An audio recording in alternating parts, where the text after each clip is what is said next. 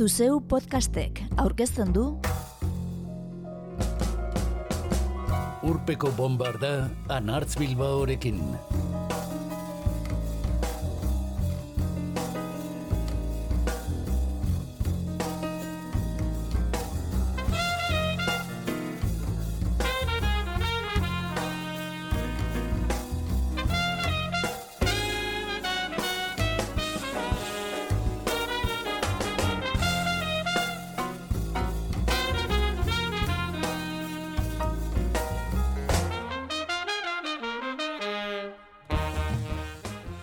Urpeko bombardan gaur, The Sadies taldeko Dallas Good eta Mark Lanegan omenduko ditugu. Kanadarra 2008ko otzailaren amazazpian eta estatu batuarra 2008ko otzailaren hogeita bian zendu baitira. Horren ez urren. Itzala handiko musikariak ziren biak alabiak. Kasik kultuzkoak. Bazuten gainera, aman komuneko ezaugarri bat – elkarlan ugari egindakoak dira. Oso maite baitzuten ezoiko egitasmoetan murgiltzea. Horresi esker, The Sadies eta Streaming Trees taldeekin ondutako kantuak ez ezik, Neko Case, Tinari Wen, Queens of the Stone Age, Andre Williams, Isobel Campbell edo Heavy Trashekin batera emandakoak ere entzungo ditugu gaur.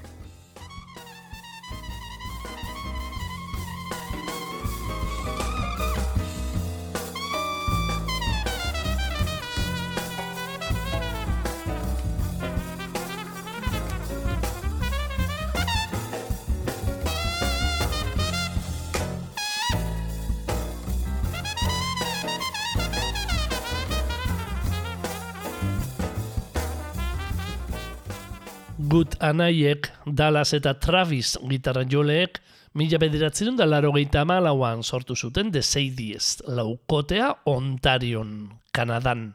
Zindin basu jolearekin eta Mike Belitzki bateria jolearekin batera.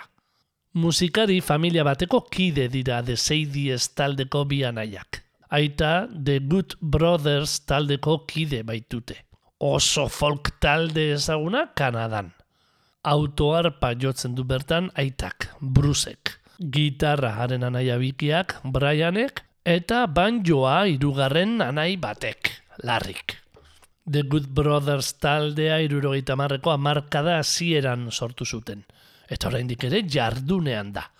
2008an Restricted Goods bilduma plazaratu zuten, eta berau izten duen kantuan zungo dugu azteko. I-95 Songs, the Ashhole Song.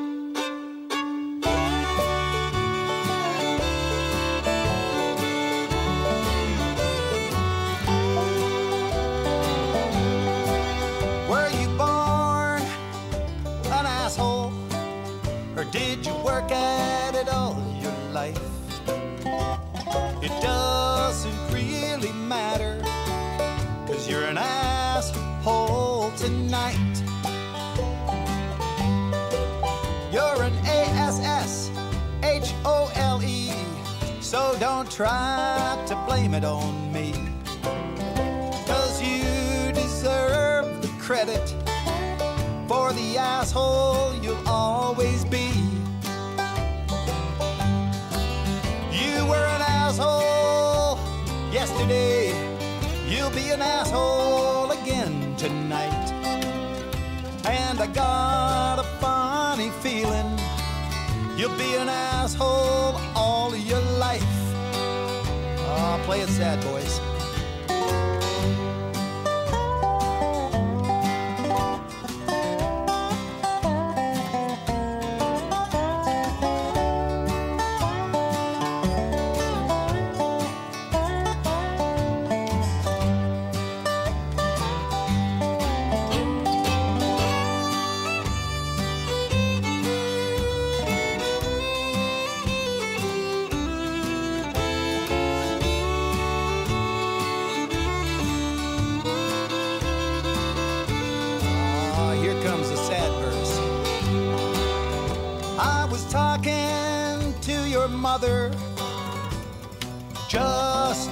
Other night.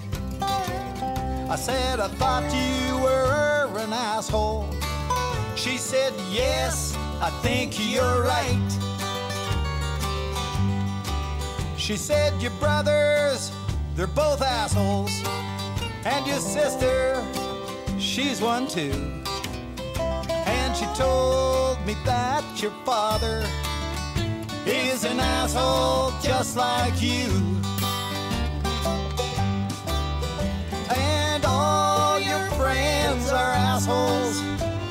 They've known you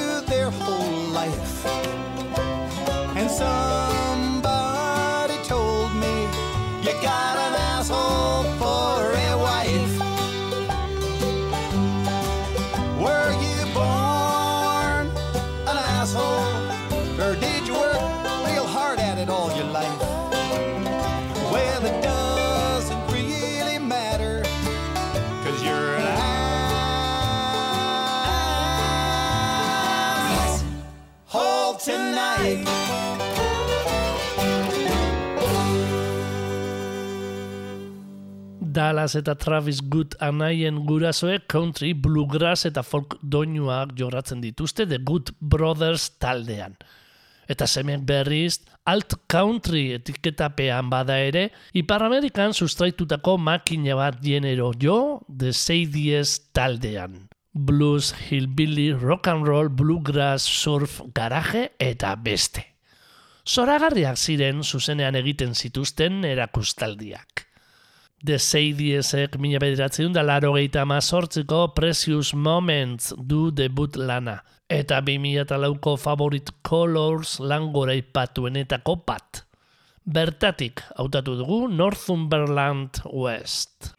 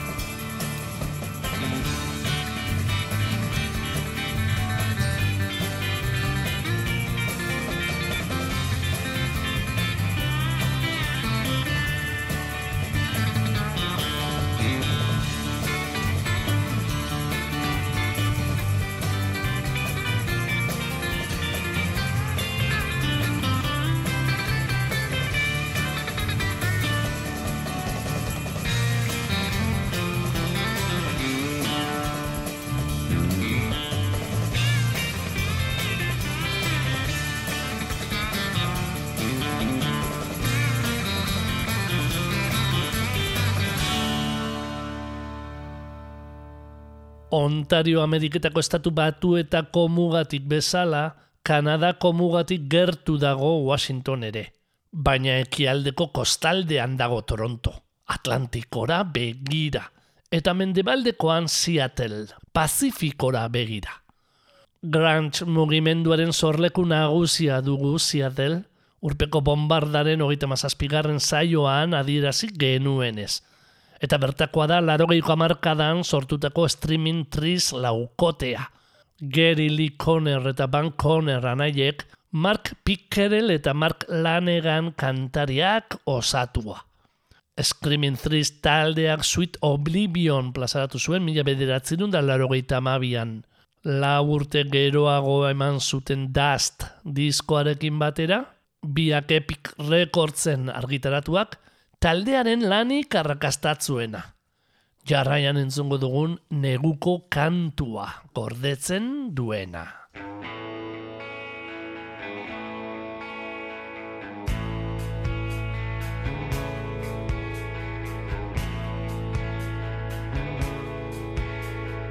Jesus knocking on my door last night, early this morning. Window glass, rusted and weary. I went straight through, didn't hear no warning. Just a roll of the dice and a precious fight. Bring you around, wasting my time and I'm losing my mind. Oh, my mind. Trying to wait for the sky to fall. It's kinda hard now to see it all. Whisper a song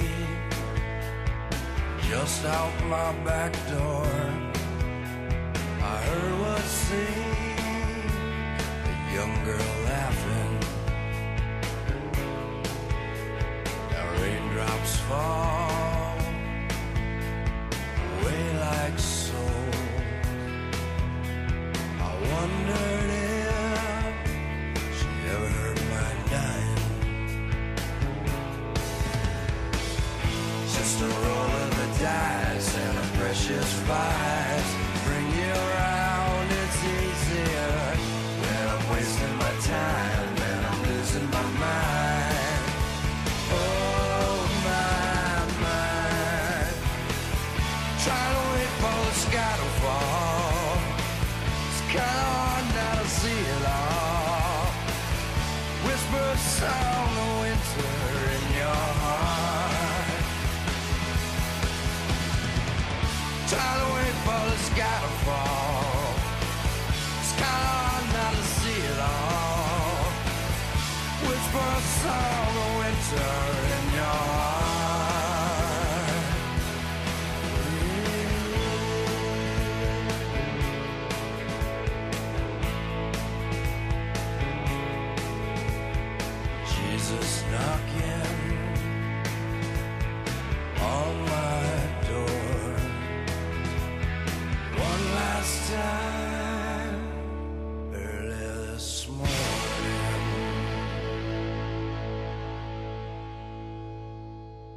The Sadies taldeko Dallas Good gitarra jole fina atzean utzi dugu Screaming Threes taldearen Winter Song entzun da.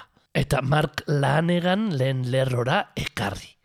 Gizonak abiatua zuen bakarkako ibilbidea streaming triz mututu zenerako. Eta arestian adierazi dugunez gainera, egitasmo aberatzak burutu zituen beste artista batzuekin elkarlanean. Belan Sebastian taldeko kide oi Isobel Campbell eskoziarrarekin, berbarako, hiru disko plazaratu zituen. Ballad of the Broken Sea, 2006an, Sunday at Devil Dirt, 2008an eta Hawk, 2010an. Azken honetakoa da Come and Down kantu fina. Disko soko kanturik gehienak bezala, Isobel Campbellek ondua.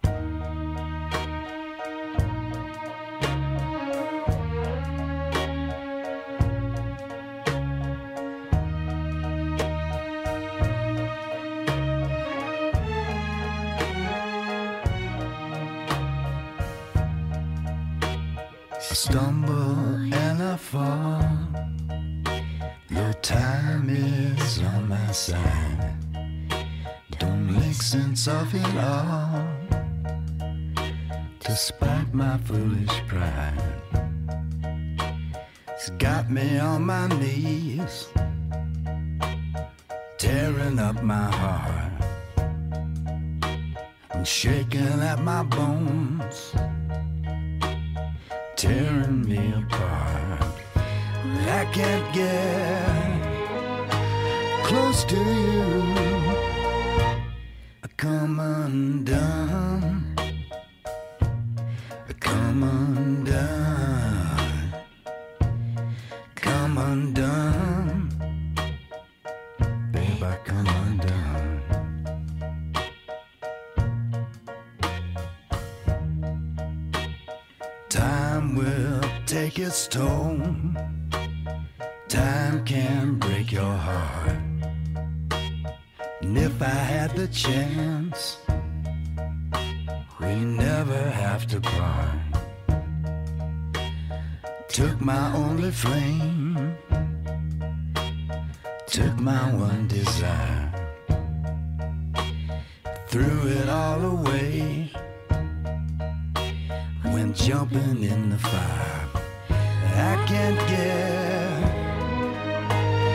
Close to you. Come undone. Come undone. Come undone. Baby, come undone. I'm not scared of the dark, though you tangle and tease me by worse than your bark. You said you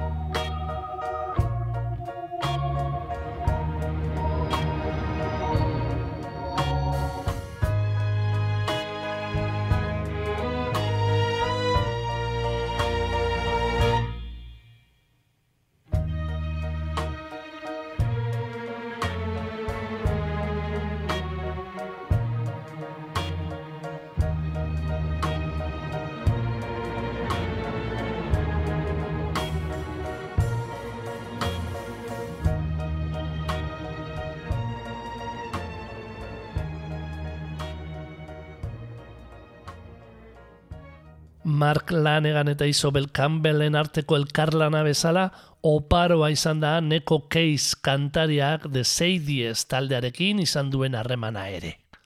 Laukotearen mila bederatzerun da laro mazortziko Precious Moment debut lanean, abesti bat kantatzen du oraindik ez ezagun xamarra zen Neko Caseek. Eta geroztik elkarri laguntza eman izan diote beti. Urte berean, mila bederatzerun da laro mazortzian, epe bat ere plazaratu zuten elkarlanean. Murder Ballads. Bertatik, entzungo dugu, Make Your Bet.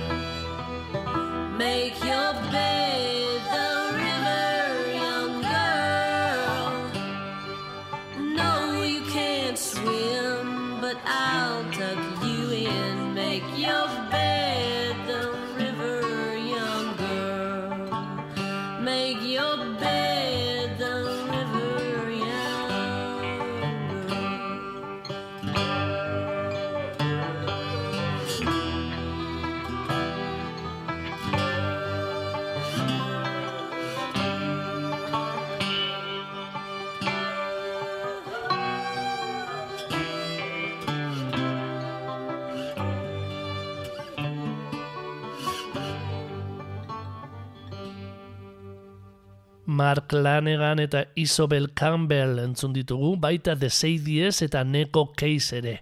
Gaur, asteon zendu diren bi musikari handi omendu nahi ditugula eta.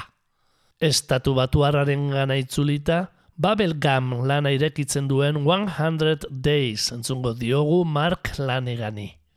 Oraindik Screaming Threes taldeko kantari zela abiatu zuen laneganek bakarkako ibilbidea. Mila bederatzen da laro marreko The Winding Sheet estreneko lanarekin. Geroztik beste amaika plazaratu ditu.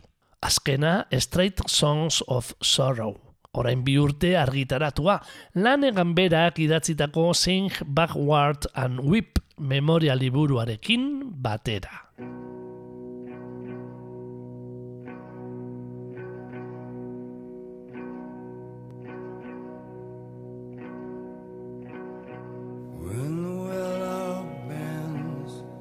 Towards the end of day and twilight falls again to the funny sound that a blackbird makes, twilight falls again. As no good reason remains. I'll do the same, thinking of you.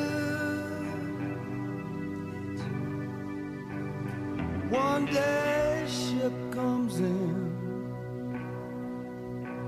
One day ship comes in.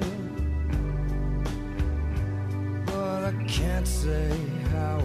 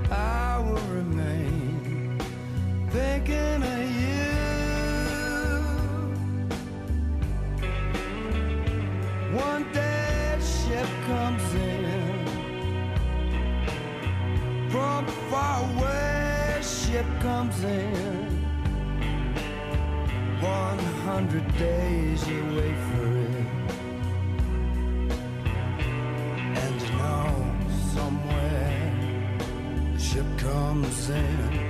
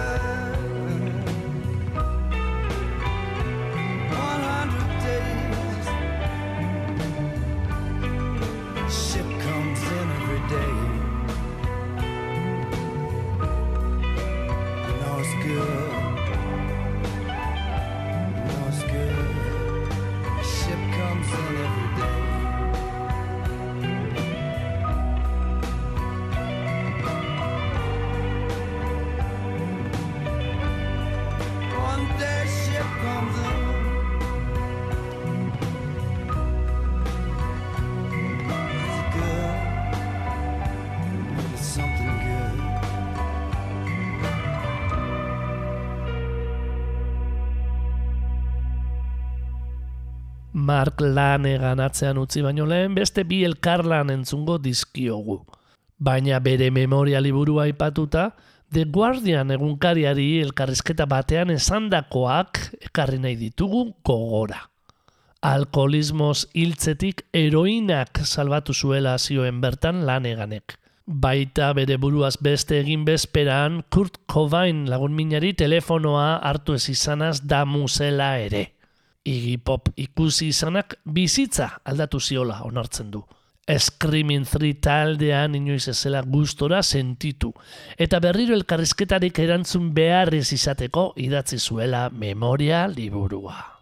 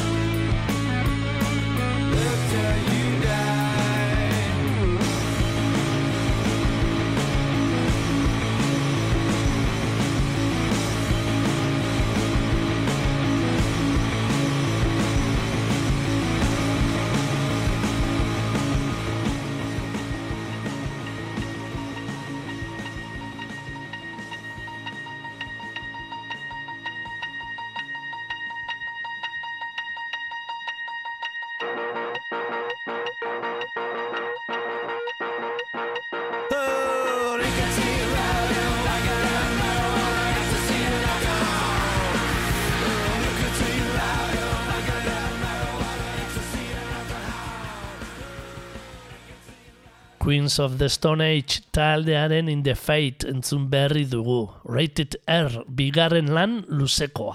Sonatua baita Mark Laneganek Josh Homen taldearekin egindako lana. Gorrentzako kantuak diskoan, berbarako, beste hiru kantu abestu zituen.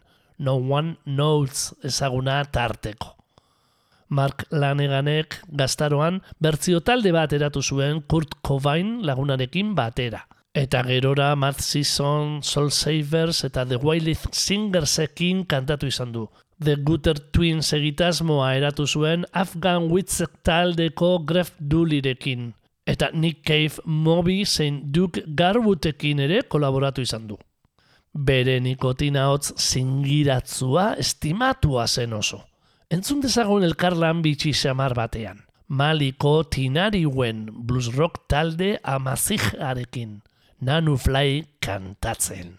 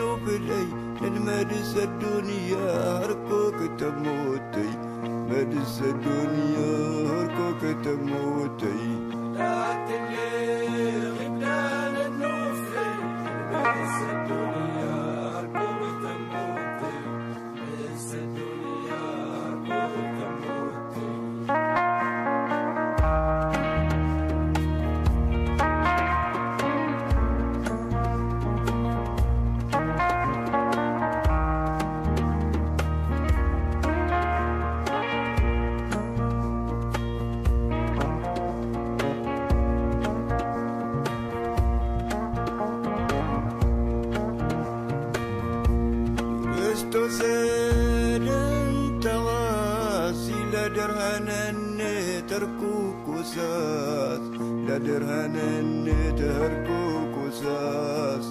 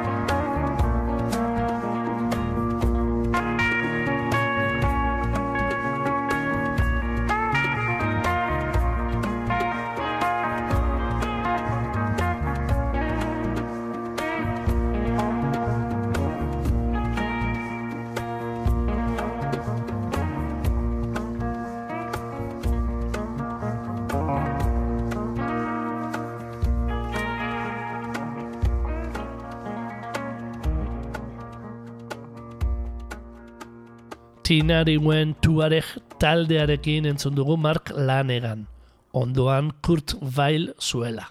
Eta The War on Drugs taldeko kide izandako musikaria dugu, hain zuzen ere, berriro The Sadies taldearekin lotura egingo diguna. Kanadarren laguna da Kurt Weill, eta azken diskoan, 2008ko Northern Passages, kantu bat ondu zuen The Sadiesekin. Mark Lanegan eta Tinari Guenean bezala, Kurt Weillen ahotza entzuten da It's Easy Like Walking kantuan ere.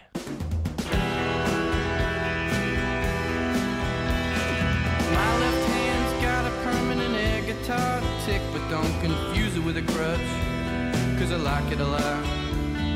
Hey, little one up there just playing possum, wake up to smoke 'em when she got 'em.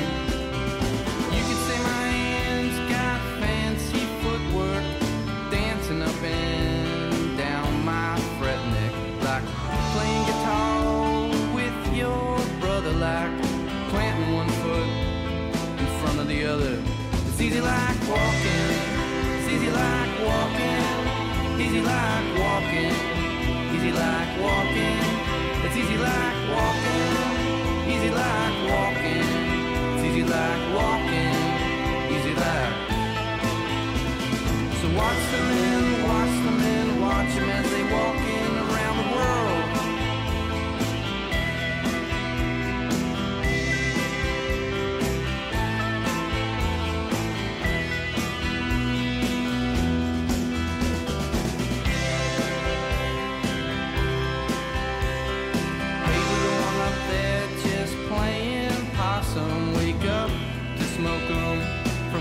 got 'em.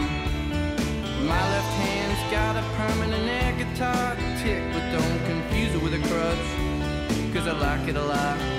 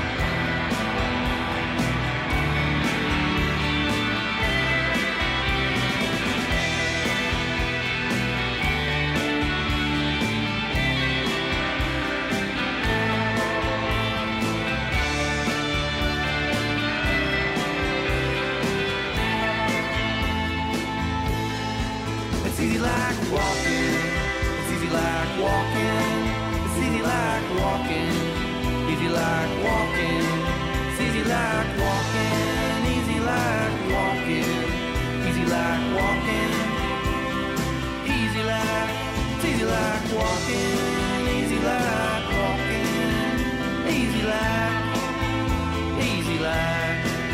Easy like walking.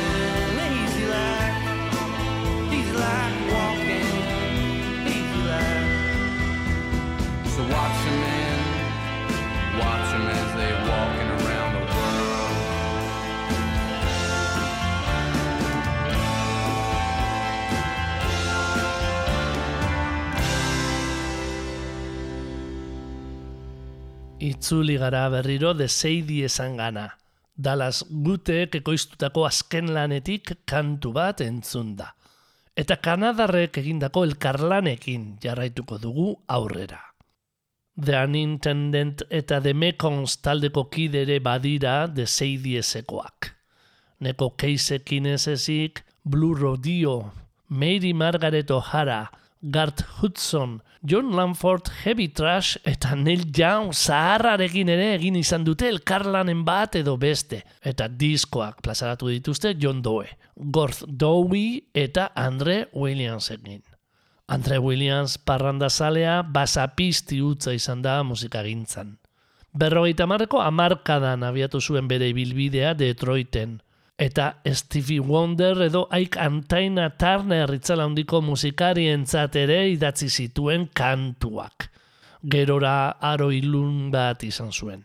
Eta zartzaroan itzulera. Bilboko kafe antzokian ere jo izan zuen. 2008an hil zen Andre Williams, larogeita bi urte zituela. De Seidiesekin pilan plazaratu zituen. Red Dirt mila bederatzen da larogeita emeretzian, eta Night and Day 2008an. Lehenengoa, Hey Truckers, kantuak irekitzen du.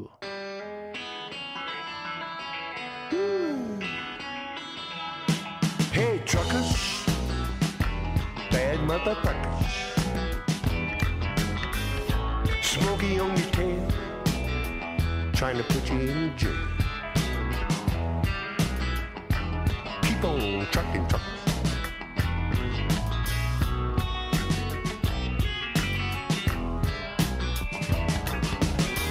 You're strange breed, you don't take no stuff. Every time you get in town, you get a little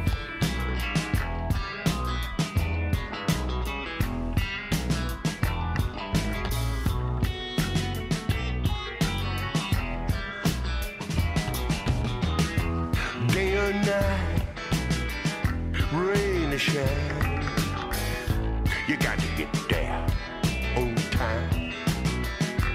Cause you got to get paid. You wanna get laid, be back on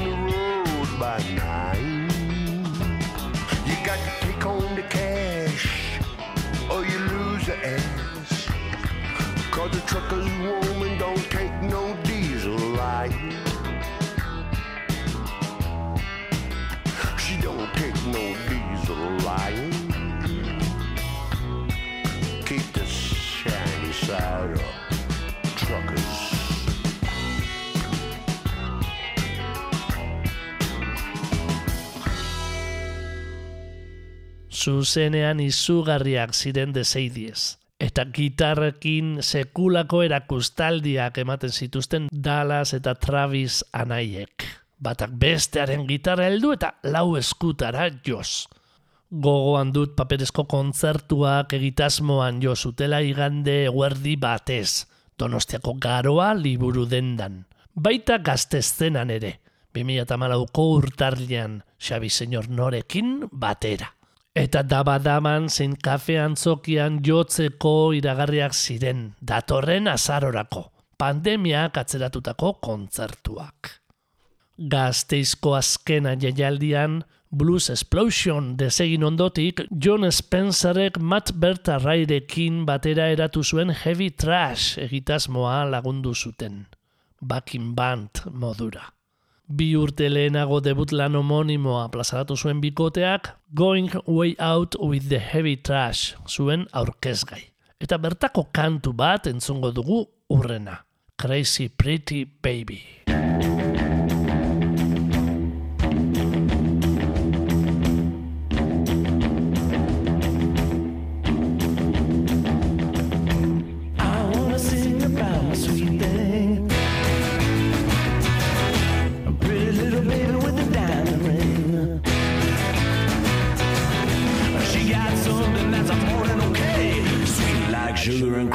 Cream, and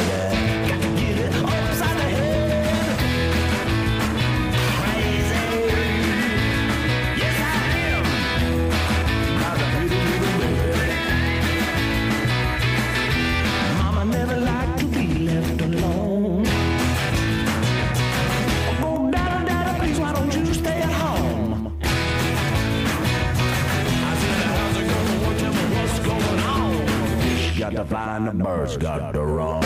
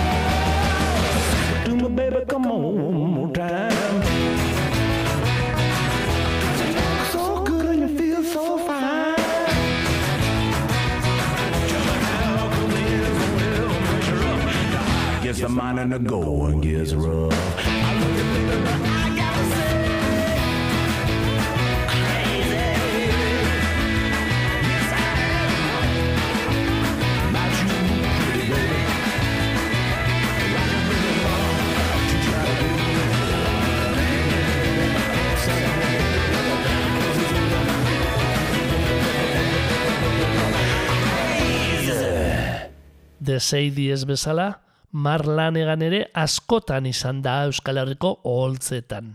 Izan kafeantzokian zein San Mames berrian. Guns N' Roses taldearen emanaldia irekiz. Azken arrok jaialdian bakarka zein The Gutter Twins bikotean jo zuen. Eta gure zenatokietako azken agerpena 2008an egin zuen. Barakaldoko beken, bime jaialdian. Azken aldean Irlandan bizi omen zen Mark Lanegan, eta bertan hilda, otzailaren hogeita bian, berrogeita mazazpi urte baino ez zituela. Joan den urtean erietxean larri eman zituen hilabete batzuk, COVID gaitzak jota. Aste bete aurretik, otzailaren amazazpian, The Seidies taldeko gidari Dallas Good zendu da Kanadan, berrogeita sortzi urte zituela. Jep Rock diskoetxearen esanetan, egun batzuk aurretik bihotzeko gaixotasun bat antzeman zioten. Kanadako telebista batean eta deseidiesen iraunkortasuna zitaunduta, taldea familiako kideekin osatzea izan da giltza, erantzun zuen Dallas Gutek, Travis anaiari keinua eginda. Gaurtik aurrera, ozenago eta biskorrago jotzea da gure asmoa. Aitortu zuen elkarrizketa berean. Lan berri bat plazaratzeko zen aurki deseidiez. Aurtengo Message to Belial singela dute azken argitalpena.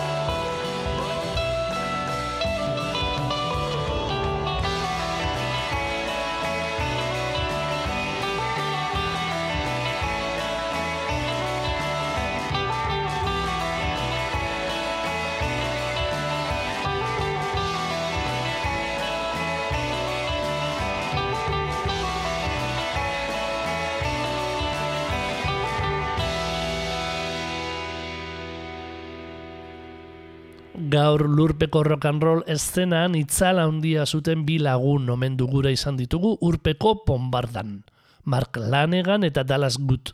Besteak beste aman komunean izan zezaketenaren bitartez. Elkarlanak, Kurt Weill edo The Gun Club. Musik radar atarian bizitza aldatu zioten diskoi buruz itaundu zioten Mark Lanegani 2008an. Eta beste edozein lanen gainetik The Gun Club taldearen Fire of Love aipatu zuen. Azalak eta taldearen izenak erakarrita erosi zuen diskoa. Eta arrezkero Jeffrey Lee Pearson taldearen sale bihurtu. Dallas Goody dagokionez, Googleen aurkitu ditugun argazki guzti guztietan trajea eta gorbata jantzita ageri da gizona. Apain, apain. Musika talde baten kamiseta soinean duela agertzen den bakarrean izan ezik. Bai lagunok, The Gun Club taldearen t-shirta. Mark Laneganek The Gun Club taldearen eraman etxera. Moldatu zuen mila bederatzerun dalaro meretziko I'll Take Care of You laugarren lan luzean. Gaurko urpeko bombarda itxiko duena.